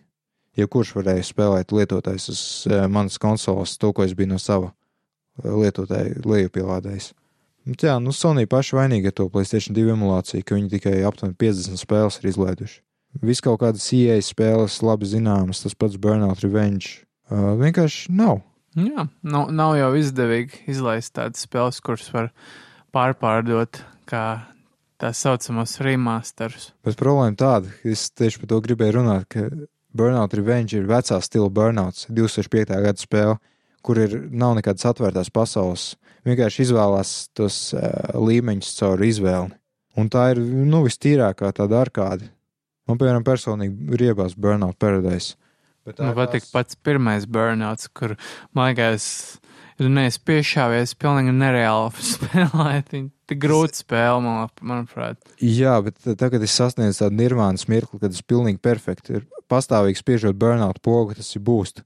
Brauc caur e, satiksmi pretējā virzienā. Es paskatos uz atpakaļ. Pretinieki vienmēr tur ir. Pirmajā spēlē bija problēma tāda, ka vienkārši nevar atkritīties no mākslīgā intelekta. Bet atkal tā bija vistīrākā braukšana. Tā kā kaut kur ieskrien, tad, nu, milzīgs krešs ir. Nav iespējams vairs atkopties no tā savārēs. Uh, jā, diezgan grūti. Bet atkal turpmākas spēles, uh, Burnouts otrais vēl bija par braukšanu tīri, bet tur parādījās, ja nemaldos, crash mode, ka varēja daudzīt mašīnas, tur maksimāli jāsavāc punkti daudz savu mašīnu avarējot kā, un uztaisot milzīgu avāriju virkni. Tad atkal parādījās trešais burnouts, eh, takedown, kas iepazīstināja pretinieku. eh, No, nodauzīšanu no ceļa, kā viņiem var likt avarēt un tādā veidā iegūt boost un uh, iegūt priekšrocību. Un atkal revenge iepazīstināja to atriebības elementu, ka tev pretinieks kāds notriec, tad izrādās, ka viņš ir tos galvenais pretinieks. Tad viņu, viņu mašīnu sadauzi, un tu iegūsi vēl vairāk boost. Nu, vēl tas, ka tur ir tas traffic check, ka braucot uh, vienā virzienā ar satiksmi, ja vien tas nav autobuss kaut kāds, var viņus visus nodauzīt vienkārši no ceļa nost. Un tas ir jautri. Jā, žēl, ka šīs spēles nav oficiāli remasterots. Jā, tāpat kā, piemēram, kaut kāda vecie Need for Speed. Es gribētu Porsche un Līčs redzēt 2018. gadā. Manuprāt, ļoti, ļoti grūti būtu tādu pārdot tādu spēli. Nē, tāpēc, ka viss tā vecā paudze, tas, kas arī vairums uh, streika lietotāji, es teiktu, mums, diemžēl, ļoti maz 14 gadnieku fanfējas auditorijas ir. Uh, viņi atceras tās spēles, Porsche un Līčs, tur uh, varbūt Hot Pursuit trešo daļu, es, piemēram, atceros. Pirmo underground, varbūt tagad jau arī jaunā paudze vairs nezina, kas tas tāds ir. Kaut kā man ir ievās undergrounds, tas nekas. Man patika. Nu jā, tā vietā, lai viņi uztaisītu remasteru, viņi uztaisīja rebootu, paņemot underground par uh, pamatu. Nu, 2015. gada Need for Speed. Jā. Tādā veidā. Nu, Tas, man liekas, otrais undergrounds ir tas, kas ir tur. Jā, jā atvērtā pasaule, tā taisnība. Tas arī viss no tā, ko esam spēlējuši. Varam ķerties pie jaunumiem, kur ir ļoti maz, jo, nu, negribēju tos jaunumus taisīt. Ja domājat, cik DJs Kikis būtu produktīvs, ja viņš, viņš spētu ziņu rakstus uzrakstīt, nevis vienkārši kaut kādus trailerus mest iekšā. Tur viss kaut kāds brīnums atrod bieži vien. Man, piemēram, patīk tas, ka bija tas Nvidia, tas, tas Star Wars demo, kur viņi e, demonstrē tās, tās jaunās atspīdumus. Izskatās ļoti dabi, dabīgi, ļoti realistiski. Man, es, mm. ja, ja es nezināju, man liekas, ka tas ir live action, bet, nu, jā. Pirmais jaunums mums sarakstā, arī tā, viens, kuram esmu publicējis rakstu, ir tātad izziņot Tom Clancy's The Division 2. kārtējā desmitgadu spēle, kur jau ir nākošā iterācija, knapi pēc diviem jau ir parādījusies. Pēc pirmās Division, kas bija kaut kāds vispār grāvējs Ubisoftam. Tā kā apstiprinājums, ka viss šis games as a service, spēles kā pakalpojums, tā ideoloģija ir jāturpina. Tas, diemžēl, ir Division, nu un savā ziņā, protams, Destiny nopelns. Interesanti, cik ilgi vēl viņa servers tā, vecie spēlē turēs augšā. Jo viņi solīja, ka vismaz šogad vēl iznāks kaut kāda atjauninājuma, vēl kaut kas. Nu, Destiny vēl aizvien ir pirmajai daļai serveri mm. strādāt, tāpēc kamēr būs spēlētāji, vismaz līdz otrajai daļai gan jau ka būs, es domāju. Nē, nu tagad it kā, cik es esmu dzirdējis, tagad Division esot pat lab, nu, ļoti labi spēle šajā brīdī. Daudz labāk kā bija, kad iznāca. Tur daudz ko vairāk darīt, laikam, ko nevarētu teikt par pašu release brīdi. Nu jā, un tā ir uh, Always Online, protams, spēle. Un tad uh, būs otrā daļa, bet mēs pagaidām neko daudz nezinām. Būs tas pats Snowdrop zinājums, bet uzlabots. Vēl kaut kas tur nāks klāt, un uh, par sasniegumiem pirmajā spēlē varēs atslēgt bonusus otrajā, kas vienkārši ir tā kā mārketinga triks pārliecināt uh, cilvēkus. O, oh, ja jau es pirmajā atslēdzu tur tos pērkus kaut kādus, tad man, nē, nopirkšu otro, lai es varu izņemt tos. Tas tāds nelietīgs triks no Ubisoft puses. Bet jā, mēs vairāk uzzināsim kaut ko D3 tikai. Division 2. Tu neesi spēlējis pirmo daļu. Nē, tas Always Online man neuzrunā. Vienīgais no tāda tipa spēlēm, ko es biju The Crew, ko es spēlēju, kas man tīri labi patika patiesībā. Jā, bet man mazliet kaitināja tas, ka tur visu laiku jābūt draudzīgam. No visur tie, tie sociāli elementi visur bāzās iekšā. Bieži vien viss ekrāns aizdirsts ar e, visādiem sociālajiem elementiem. Tā arī tie kaitināja The Crew. Mm. Nu jā, es pēdām nedrīkst runāt, ko es vēl esmu spēlējis. Tas arī, es teikšu, starp mums meitenēm runājot, tas viss arī turpinās, turpinājumā, kas iznāks šogad vēlāk. Uh -oh. Nu, tāpat šito neviens neklausās, godīgi sakot. uh, Nu, man liekas, vismazāk klausās paši Ubisoft, ja viņi pārstāv. Es domāju, ka viņi pat nesaprot, par ko mēs te vāvoļojam. jā, vadīgi, tā kā es aizsūtu mūsu igauņu draugam apskatu, tad viņš uzraksta.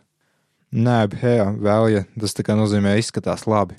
Tas arī galvenais apskats, es jau par šo runāju. Vienalga saturs, galvenais, ka izskatās labi. Jā, ir bildīts, ir viss ok. Jā. Un tāpat par video es pasaku, reku es uh, ieliku video. Viņš uzklikšķina, es redzu pēc YouTube statistikas. Paskatās vienu sekundi, aizver ciet. Ok, video arī ir. Tā ka es tur varēju jebko patiesībā. Ja tā kā bija embargo, es nedrīkstēju visu kaut ko teikt un rādīt tajā video, tāpēc ir ļoti maz komentāru. Manuprāt, ir vairāk jābļaustās un jāoro. Tas ir tas, kas piesaista skatījums. Nu jā, ko fanface parāda un eh, spēlējam kopā parāda un eh, savā ziņā arī uzkapājam, kur tas čels visu laiku ārdās ir lamājis. Man liekas, viņam ir problēmas. Viņam visiem ir problēmas, tīpaši sociālās. Sociālais nodrošinājums zems. Nu, tas uzkapājuma čels, viņš arī strādā normālu darbu, cik es saprotu, algot. Bet, nu, viņš ar pēdējiem spēkiem mēģina savu kanālu tur bīdīt var redzēt, ka cilvēks ir izdedzis. Uzkapājumi tas bija ar tiem garajiem matiem, ja? Jā, tas metālists. Kurš saka savu bērnu bāž iekšā. Nu jā, un lamājas tu nenormāli. Nu jā, man smagi skatīties. nu, bet tā ir, nu, sorry. Varbūt 15 līdz 18 eh, gadu vecuma paudzei tas ir, nu, forši patīk, bet vispār nesaprotu, kāpēc normāli mēdī tā nekotējas vispār cilvēku vidū. Es esmu pārsteigts par īgauņu kolēģiem, kas tur vienā saitā, tas level X, ko es jau esmu teicis. Nu, tā jau laikam vēl viņiem jau ir civilizācija. Viņiem katru nedēļu ir podkāsts divstundīgs. Katru nedēļu klausījumi ir no 200 līdz 500. Labi, ja viņi runā par kaut kādām dīvainajām nākamajām sazvērestības teorijām vai tur Fortnite kaut kādu porno, tad ir pāri 500, bet, nu, diezgan švāki. Nu, ko tu gribi mūsu analfabētu sabiedrībai? Es atvainojos, laikam kāds ekali ierakstīs komentāros, ka mēs necienam savu auditoriju. Jā, jā. Bet tas nebija pret auditoriju, tas bija pret kopumā. vispār kopumā, pret mūsu, tā kā mēs vairāk esam Krievi, gribat vai negribat, mēs esam Krievi, šie, tā kā, Krievu kultūra, krievu patērēšana, viss ir pa krievisku.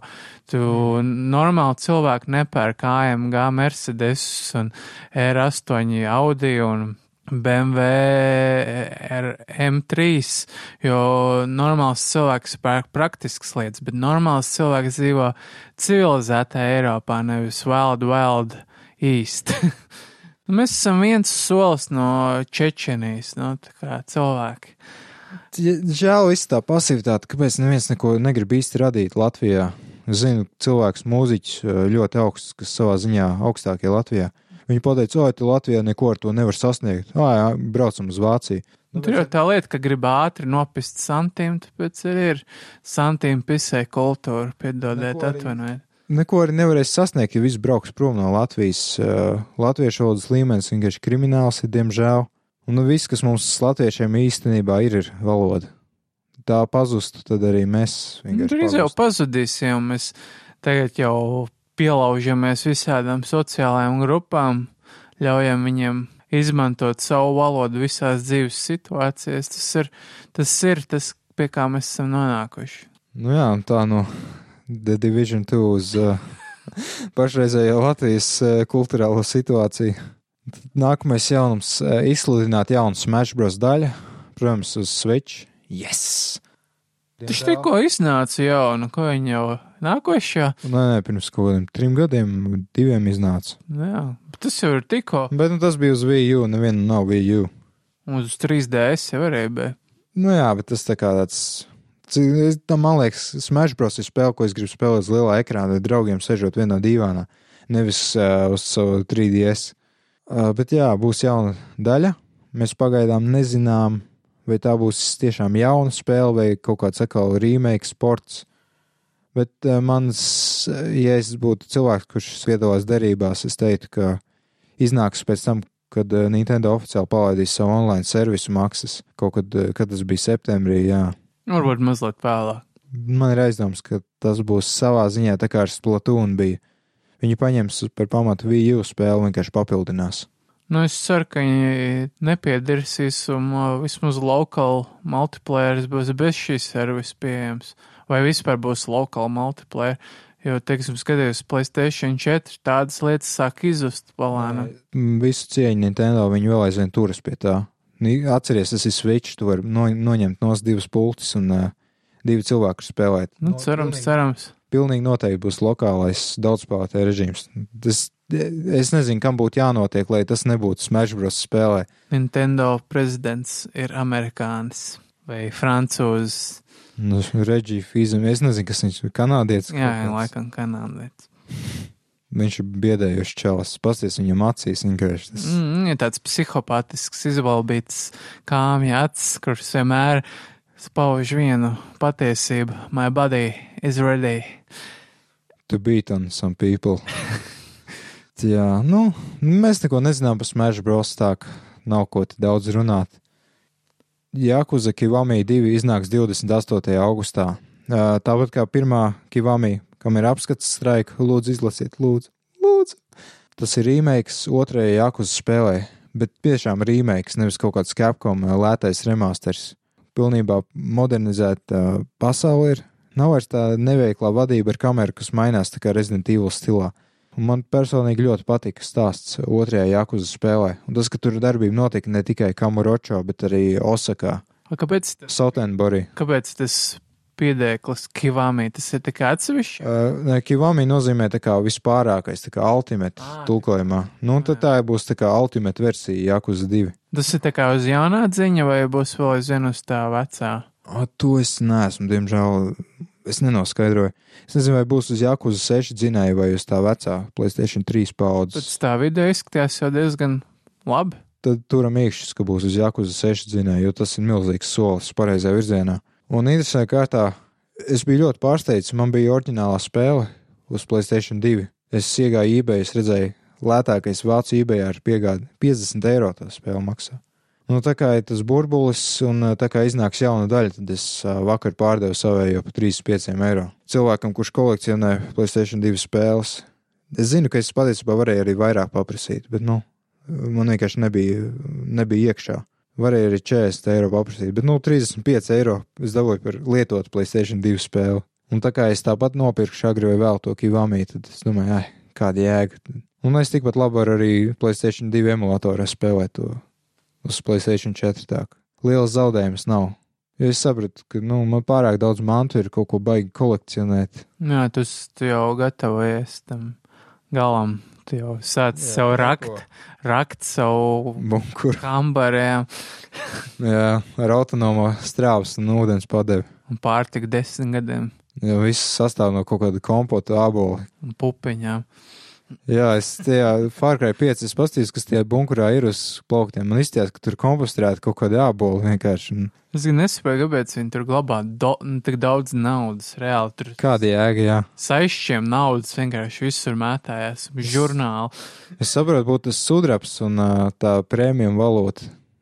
Dīvainā kārtā prepērs tešos, kas ļoti jautra aktivitāte Fārkai 5, kad nebija sudraba to stieņu nemaz, tie ir tikai tajos ā, apmetnēs un arī ne visās seifā. Jā, tur katrā, man liekas, piektajā seifā var atrast.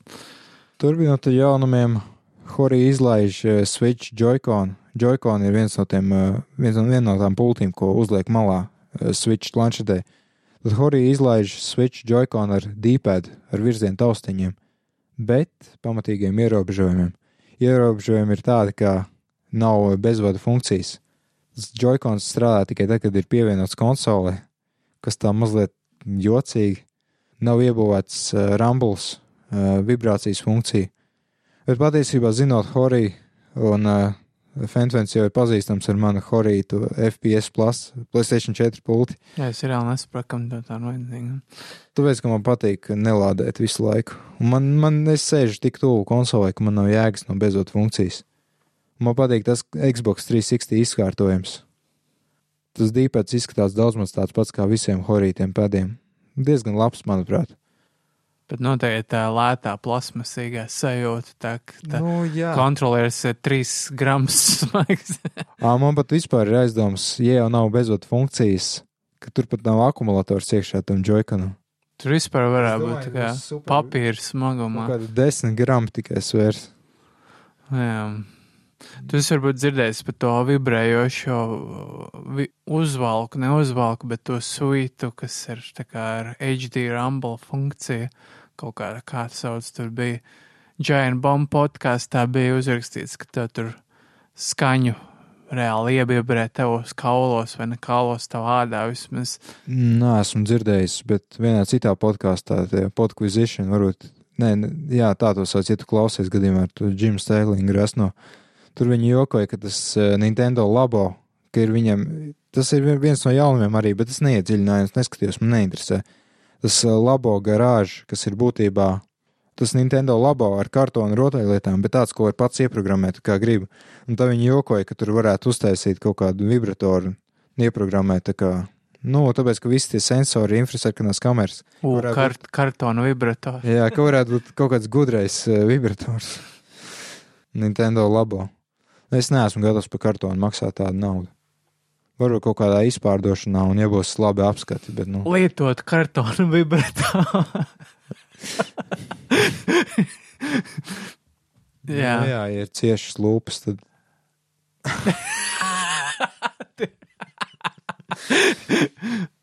Tev jau nav lūpas.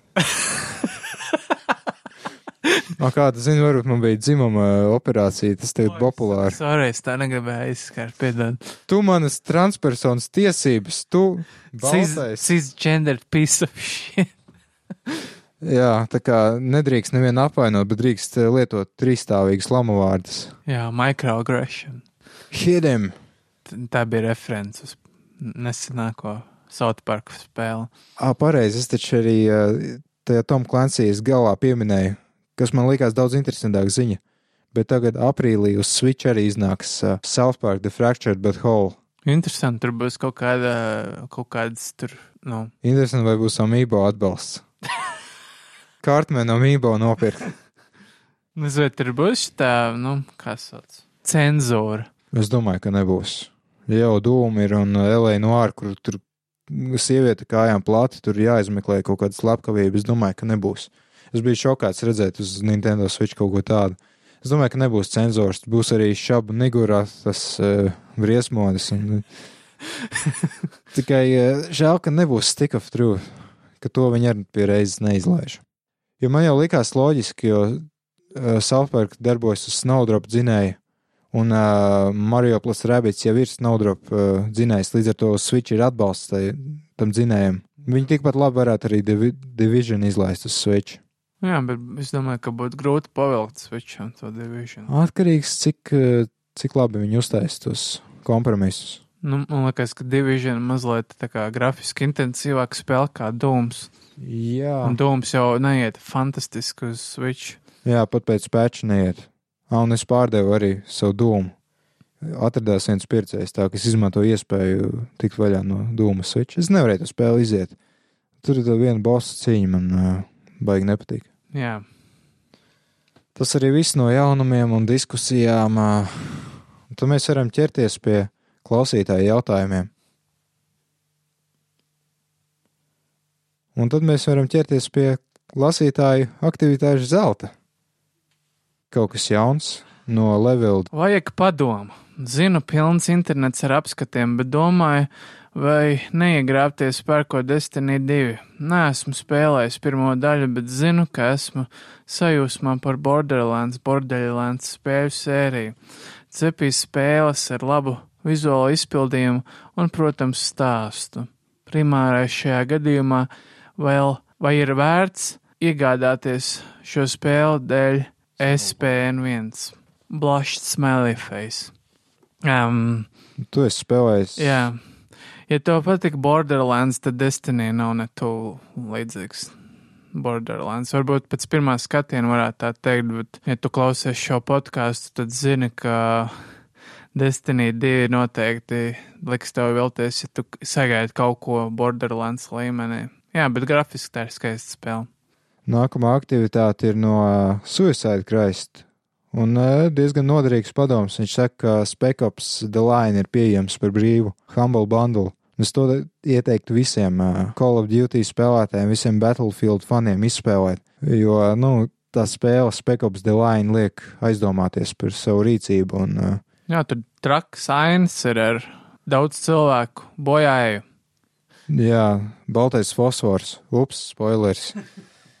Bet tiešām vērts izspēlēt, ja tas spēlē liek aizdomāties par uh, to, kā ir būt kareivim, un uh, tas tā interesantā lieta, kā visi spēle sāks ar tādiem urā, yeah, Amerika pati labākā. America, fuck yeah! Nu jā, un tad pamazām viņi slīks tādā kā vaiprātā. Tas līdzīgi kā tās filmā Apokalips nav un grāmata, kas iespaidoja to filmu. Nu, kā pamazām slīks tādā vaiprātā, tie cilvēki sāk lamāties, tur vairs nesakarīgi runāt. Tiešām, jā. Jā, tā kā Jacīs no, no Escapist teica, tad šī spēle ir nezināms dārgums. Ja pat viņš spēja atzīt šo par labi, ļoti labu spēli, tad es domāju, ka arī spēlētāji to spēs novērtēt. Nu, kādā ziņā izmantojot iespēju. Šī ir nu, viena no tām retajām reizēm, kad es arī pats gribētu ielūgoties. Nu, lai gan man Steamā ir. Es vienkārši Steam atslēgu paņemšu uzdāvināšu kādam, ka ir vērts pieslēgties Humble Bundle un uh, paņemt spēli pa brīvu. Jā, Dragon Quest 11, 11. no DJ Kikisa. Jā, viss, ko es varu pateikt, izskatās interesanti. Bet tas ir Dragon Quest, tas ir tā kā 11. daļa jau tā kā ielikt Final Fantasy pēkšņi iekšā, man liekas, nu, grūti jaunavām tā seriāla tajā visā iesaistīties. Dragon Quest ir tā kā, nu, ja Final Fantasy tagad jau ir super mainstream, tad Dragon Quest vairāk ir palicis vēl pie klasiskajām vērtībām vēl aizvien pēc visiem šiem gadiem. Bet, nu, Japānā Dragon Quest ir pats skaļākais, man liekas. Jā, Final Fantasy tagad jau ir super rietum spēle, ja neskatās uz multi massively multiplayer online spēli. Līdz saprotu, iznāks uz PC un uh, PlayStation 4 kaut kad šogad ir zināms pat datums, es nepaskaties, kad. Bet Switch versija, diemžēl, nezinām, kad iznāks, bet kaut kad būs. Tālāk ir uh, vēl viens DJ Kikis jaunums. Es jau teicu, žēl, ka viņš neraksta ziņu rakstus. Straiku uzreiz būtu daudz pilnāks, apmeklētāks, es domāju. Tad ir uh, artefakti gameplay video. Mēs pat neskatījāmies. Nav kārtējā kāršu spēle, un šoreiz tas ir Valve. Liekas smieklīgi, ka vēl apsolās atkal taisīt spēles, bet nu, viņi uztaisīja kaut kādu kārtēju kāršu spēli. Man ļoti uzjautrināja tas, tas reveals, kas bija šai spēlē, un vispārliecinošākā reakcija bija tāda vilšanās, nopūta, viss tā kā laikam gaidīja kaut ko labāku. Tā vietā viņi vienkārši atklāja kaut kādu kāršu spēli priekš casual spēlētājiem. Es nezinu, man grūti vērtēt šīs spēles, jo es nespēlēju, un, un, un, un tas, tas, tas, tas, teiksim, jau Hearthstone, tas, ka tu bez naudas vispār neesi spējīgs neko izdarīt, tad arī šajā spēlē es visdrīzākais jau sagaidu to pašu. Un tad Goodman publicēja slaidu ar uh, kaut kādu roadmap, es nezinu, kā to, kaut kādu karti, kā ir plānots. Es nezinu, kas tas AV1 kodeks tāds ir. Tas kaut kas, kas pēc HEVC laikam nāk, ne? Nu, nav ne jausmas, bet katrā ziņā tur ir rakstīts, ka 2020. gadā vajadzētu būt uh, arī ierīcēm, kur ir aparatūras atbalsts, ja es pareizi saprotu to slaidu. Tas nozīmē, ka nākamais lielais datora upgrades jāatliek uz 2020. gadu. Es nezinu, kamēr viņi neizdomās, kā samazināt to transistoru attālumu citam no cita, tikmēr nekāds baigais lēciens nebūs. Tāpēc Lai gan tagad ir tas, ka jau to HEVC kodeku, to, kas ir nākamais pēc AVC, uh, internetā, YouTube, man liekas, pat vēl neizmanto. Varbūt izņemot 4K video. Tā ka tas galīgi nav aizgājis, tas HEVC, un tagad jau viņi grib kaut kādu nākamo kodeku. Nu, es nezinu, es neesmu tik uh, daudz izpētījis šo jautājumu. Tad vai tas HV1 ir kaut kāds turpinātājs tam HEVC vai kaut kas tāds, nav nejausmas. Runājot par datoru upgradeiem, atkal DJ Kikis izceļas. Ieliekot divus video, viens ir par 400 tūkstošu dolāru videokarti ar pusotru terabaitu operatīvos atmiņas. es pat nespēju iedomāties, kam kaut kas tam līdzīgs būtu vajadzīgs. Kaut kādai kino studijai, droši vien renderēšanai, tur kaut kāds piksārs jau noteikti nopirkt. 400 tūkstoši. Nu jā, bet iedomājieties, tev ir nevis uh, pilna telpa ar kaut kādu, nu, to render farmu, milzīgiem serveriem, karstiem. Ir vienkārši viena karte, kur. Es varu iedomāties, zelta karte priekš uh, Bitcoin vai ne. Bet tad noteikti arī AMD ekvivalents būtu labāks tieši Bitcoinam. Tas tāds bullshit vienkārši. Es kaut ko dzirdēju jaunumos, ka uh, viss šī Bitcoin rakšana patērē vairāk enerģijas nekā daža laba valsts. Vispār vajadzētu uzmest atombumbu visai pasaulē. Bamboozled. GDD ir 6 cena un uh, nākamās paudzes grafiskie procesori. Man liekas, ka tas GDDR 5 un HBM2 jau ir ļoti labs. Jau viņi jau sesto izlaiž, kas tāpat maksās nenormāli dārgi. Tā, ka, tāpat, tas tāpat kā ar DDR4 būs. Tālāk ir genocīda. Tas spamers kaut ko tur raksta, kaut kāds podkāsts atkal. Jā. DJ Kikis uh, video par uh, jaunākā PC, PlayStation 3 simulatoru progresu. Es teikšu, ļoti iespaidīgi izskatās. Vēl aizvien nav tā, ka īsti spēlēt var, bet, nu, Ļoti īpatnē, ka viņi tā kā šaukeiso, kā šis simulators strādā ar Mass Effect. Kam tas ir vajadzīgs? Kā... Es pateikšu, kāpēc. Tāpēc, ka Unreal Engine 3 būtībā, ja viņi dabū Mass Effect labi strādāt, viņi arī citas uh, Unreal Engine 3 spēles. Bet atkal tas viss ir uz PC. Labs jautājums. Tas ir vajadzīgs. Red Dead Redemption gan varētu paspēlēt, bet, nu. Tas gan, tad tur tas salīdzinājums starp pirmā versiju un šī brīža versiju Red Dead Redemption izskatījās diezgan iespējīgi, lai gan tur bija vēl aizvien tas problēmas ar skaņu, cik es Vēl aizvien viņi uzrakstīja, ka tas ir tikai in-game, ka tas nav playable statusā, tā ka īsti izbaudīt nevarēs. Bet, nu, varbūt, ja būs brīnums, viņi līdz otrās daļas izlaišanai paspēs sataisīt tā, ko var tiešām baudīt to Red Dead Redemption. Nu jā, tas arī viss šim podkāstam, es domāju, nu, besī laukā cilvēku pasivitāte, bet, nu, ko darīt? Jā, mēs turpināsim, kamēr mēs nomirsim. Jā? Yeah?